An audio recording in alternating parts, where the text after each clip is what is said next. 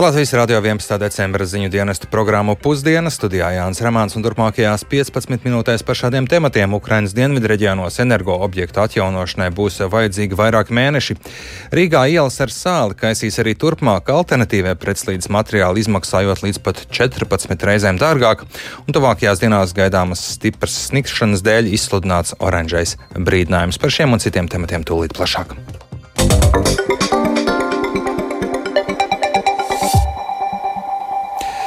Ukrainas dienvidu reģionu turpina atkopties no kārtējiem triecieniem pa energoobjektiem, brīdinot, ka remonta darbi var turpināties pat vairākas nedēļas vai mēnešus.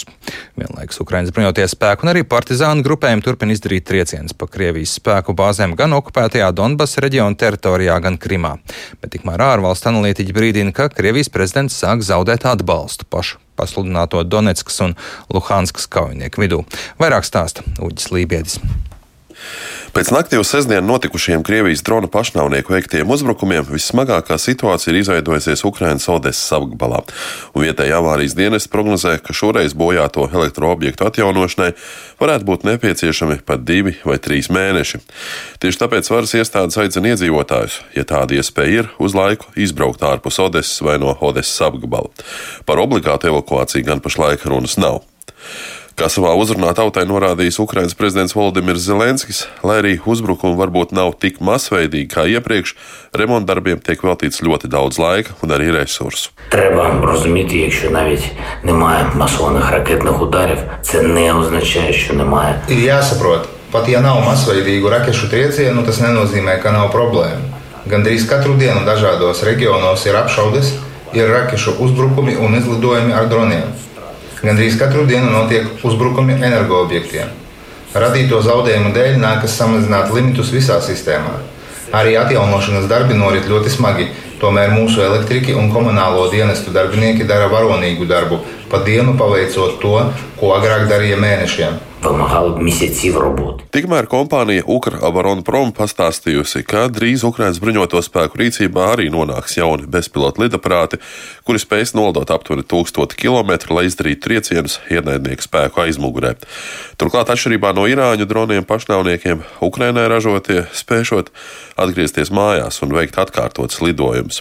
Jaunie lidaparāti jau gandrīz esot izstrādāti un gatavojas pirmajiem izmēģinājumiem. Runājot par uzbrukumiem ienaidnieku aizmugurē, vai tā teritorijā, pagājušajā naktī ugunsgrēks izcēlies okupētajā Krimā, Sovietskajā pilsētas ciematā. Tur aizdegušās Krievijas spēku kazarmas. Atbildību par šādu ugunsgrēku izraisīšanu uzņēmies Ukrāņu un Krimas tatāru partizānu grupējums Atešu. Krimas tatāru līderis Refats Čubārovs savā telegramu kanālā pavēstījis, ka šajās kazarmās dzīvojuši mobilizētie Krievijas kareivi pārsvarā no Altaja apgabala un Burjetijas. Tāpat Ukraiņas bruņotie spēki izdarījuši triecienu pa Krievijas spēku bāzi okupētajā Melitopolē, nogalinot vairāk nekā 200 iebrucēju.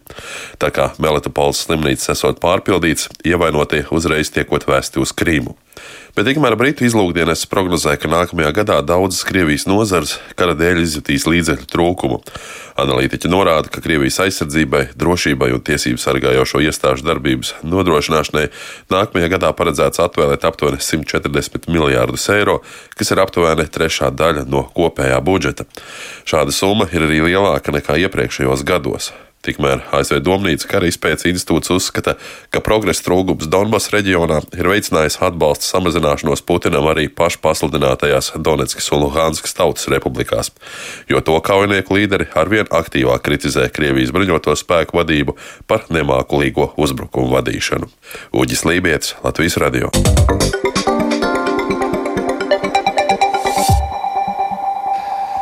Latvijā sākoties ziemai Rīgas ielas aktīva kaisa ar tehnisko sāli, kas sabiedrībā jau daudzkārt kritizēta. Kā pašvaldība raugās uz alternatīviem pretslīdes materiāliem un ko par tagad izmantojamā sāls sastāvu saka eksperti, vairāk Viktora Demīdo veidotajā ierakstā.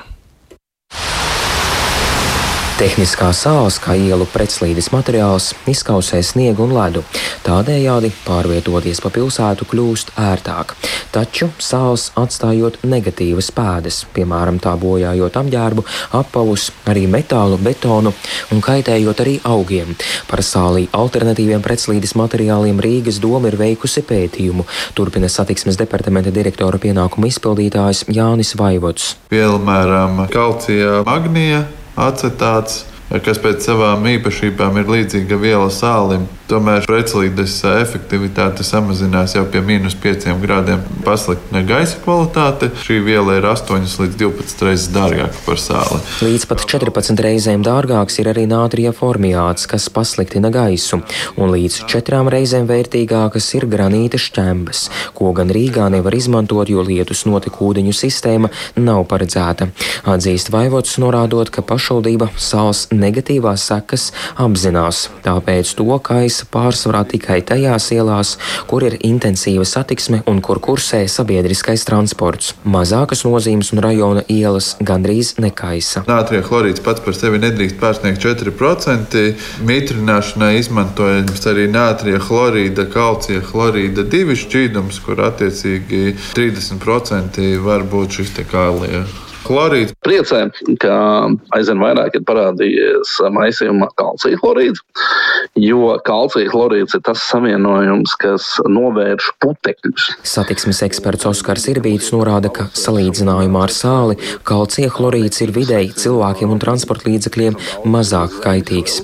Savukārt, runājot par sāli alternatīviem materiāliem, eksperts uzskata, ka atsevišķās ielās tos tomēr varētu izmantot. Vietās, kur varbūt nav ierīkot šī lietus ūdens noteka kanalizācija. Tur mēs, piemēram, varētu izmantot arī šīs granīta šķēmas. Un, protams, būtu ļoti labi, ja mēs uh, uzlabotu šīs prognozēšanas iespējas. Kaut kad bija viena brīdi ieviest tādu preventīvā kaisīšanu ceļu, kur beig beigās mēs nu, šaušalīgi daudzumu sāls uzbērām uz ceļa, kas bija pilnīgi nepamatots. Daudzos gadījumos mēs varētu arī dabūt nost šo slideno vīrusu tikai ar tīrītāju mašīnām. Latvijas radio jau iepriekš vēstīja, ka Rīgas domas nolīgtie ceļu uzturētāji šai sezonā ir sagatavojuši ap 17 tūkstošiem tonu sāls, un tas ir vismaz par tūkstoti tonu mazāk nekā iepriekšējā sezonā. Taču tas tik un tā ir ievērojams sāls daudzums, uzskata Rīgas Stradiņu universitātes profesors Ivars Vanadziņš, norādot, ka sāls var negatīvi ietekmēt cilvēka veselību. Tajos sausajos ziemas brīžos, nu, kad ir teiksim, tās smukās saulainās dienas, vai tajā pavasarī, kad sāk tie putekļi mākoņi griezties, tad tā galvenā bīstamība ir tajā brīdī, jo viņš kļūst par daļu no tiem faktiski ļoti daudziem nu, tās lielās putekļu piesārņojuma masas daļu no Rīgas iedzīvotāju veselības viedokļa. Tā būtu šeit galvenā problēma. Ja mēs, teiksim, pavasarī ieelpojam un dabūjam tas nu, jutīgāks cilvēks, dabūt to plaušu slimības pārsinājumu, kādu asmas lēkmi, viņš jau faktiski nevar precīzi pateikt, vai tas ir no nodulušas riepas, sāls uz ielas, no klēpa daļiņas vai no kaut kā vēl cita. Ja? Lai mazinātu risku, Vanadziņš aicina pašvaldību putekļus vākt aktīvāk. Viktors Demidovs, Latvijas radio. Un jau nedēļa, nedēļas sākumā sniega un iemeslu kaisīt sāli netrūkst, jo jaunadēļas nedēļas sākumā Latvija no dienvidu austrumiem šķērsos plaša nokrišņu zonu un daudz viet gaidām ilgstoša un stipra snikšana, tāpēc jau no šī vakara līdz pat otrdienas vakaram valstī būs spēkā oranžais laika apstākļu brīdinājums. Par to informē Latvijas vidas geoloģijas un meteoroloģijas centrā. Naktī uz pirmdienu ļoti stiprs sniks un putens gaidāms austrumu rajonos, savukārt pirmdien dienā stiprs sniks un putens gaidāms vietām valsts rietumu rajonos. Puteņu laikā brīžiem redzamība pasliktināsies līdz 100-500 metriem, kā arī uz ceļiem, autoceļiem veidosies sniega senesumi. Paredzams, ka ļoti stipra sniegšana plašās teritorijās traucēs transporta kustību uz ceļiem un dzelzceļiem, gaisa satiksmi, kā arī gājēju pārvietošanos un citas ārā aktivitātes. Šādos laika apstākļos pārvietojoties pa autoceļiem jābūt ļoti uzmanīgiem un galamērķa sasniegšanai jāieplāno ilgāks laiks. Un ja hidrometeoroloģiskie apstākļi ir radījuši postījumus, kas apdraud cilvēka veselību un dzīvību, komunikācijas vai sabiedriskā transporta kustību, ir jāzvana pa vienotās ārkārtas palīdzības tālruņa numuru 112.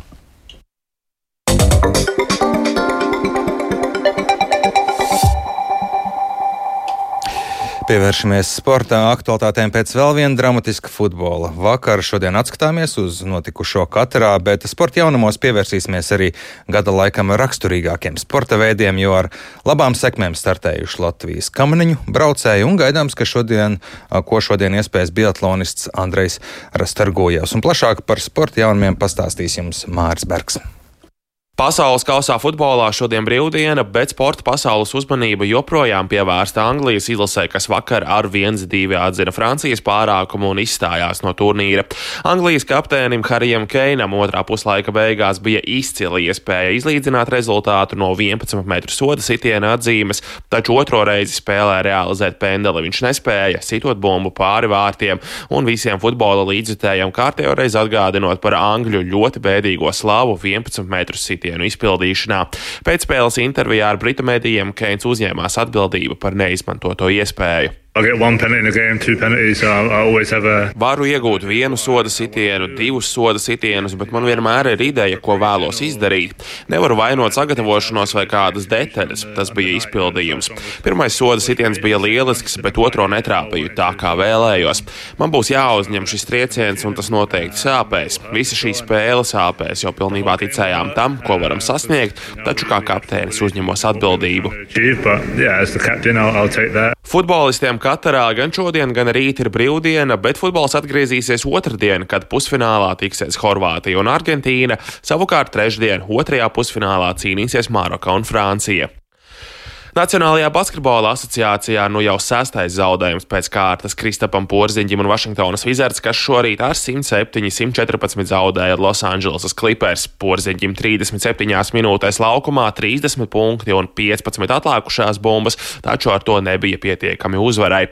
Dallasas Mavericks ar 115-144 atzina Čikāgas Bulls pārākumu. Dāvim Bērtānam 11,5 minūtēs laukumā 5 punkti un 3 atlikušās bumbas. Nakts centrālajā spēlē un pagājušās sezonas NBA fināla atkārtojumā Golden State Warriors ar 123-107 uzvarēja Bostonas Celtics.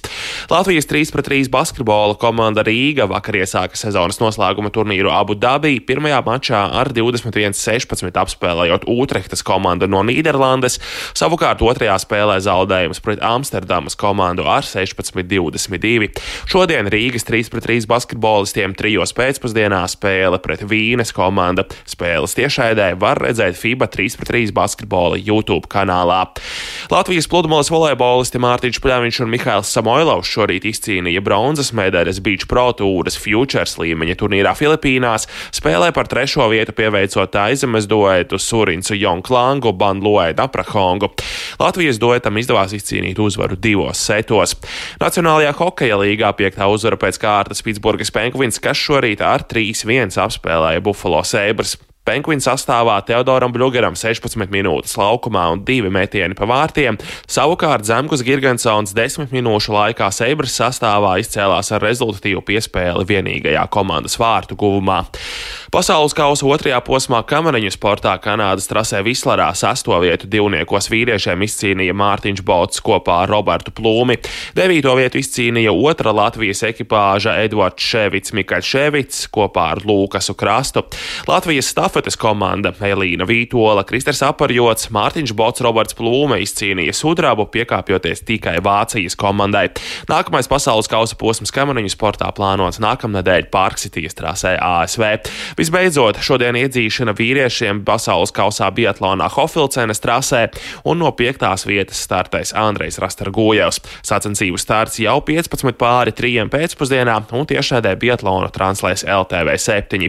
Par dienas galvenajiem rezultātiem informējuši jau dienas notikuma apskatā nedaudz pēc pulksten sešiem.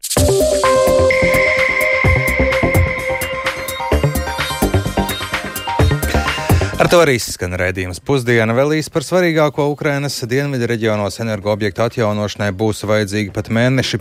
Rīgā ielas ar sāli kaisīs arī turpmāk, alternatīvie pretslīdes materiāli izmaksājot līdz pat 14 reizēm dārgāk. Tuvākajās dienās gaidāms stiprs snikšana un tās dēļ izsludināts oranžais brīdinājums. Programmas producentā Iga Pelāna ieraksts Montērināša Tēmans, piesudījis pults Kārlis Rašmans, studijā Jānis Ramāns. Un mūsu ziņām varat sekot līdz arī Latvijas Rādio 1 dienas Facebook lapā vai arī sabiedriskā mediju ziņu portālā LSMLV, bet šīs pārēdes atkārtojumu meklējiet raidierakstu platformās kā dienas ziņas.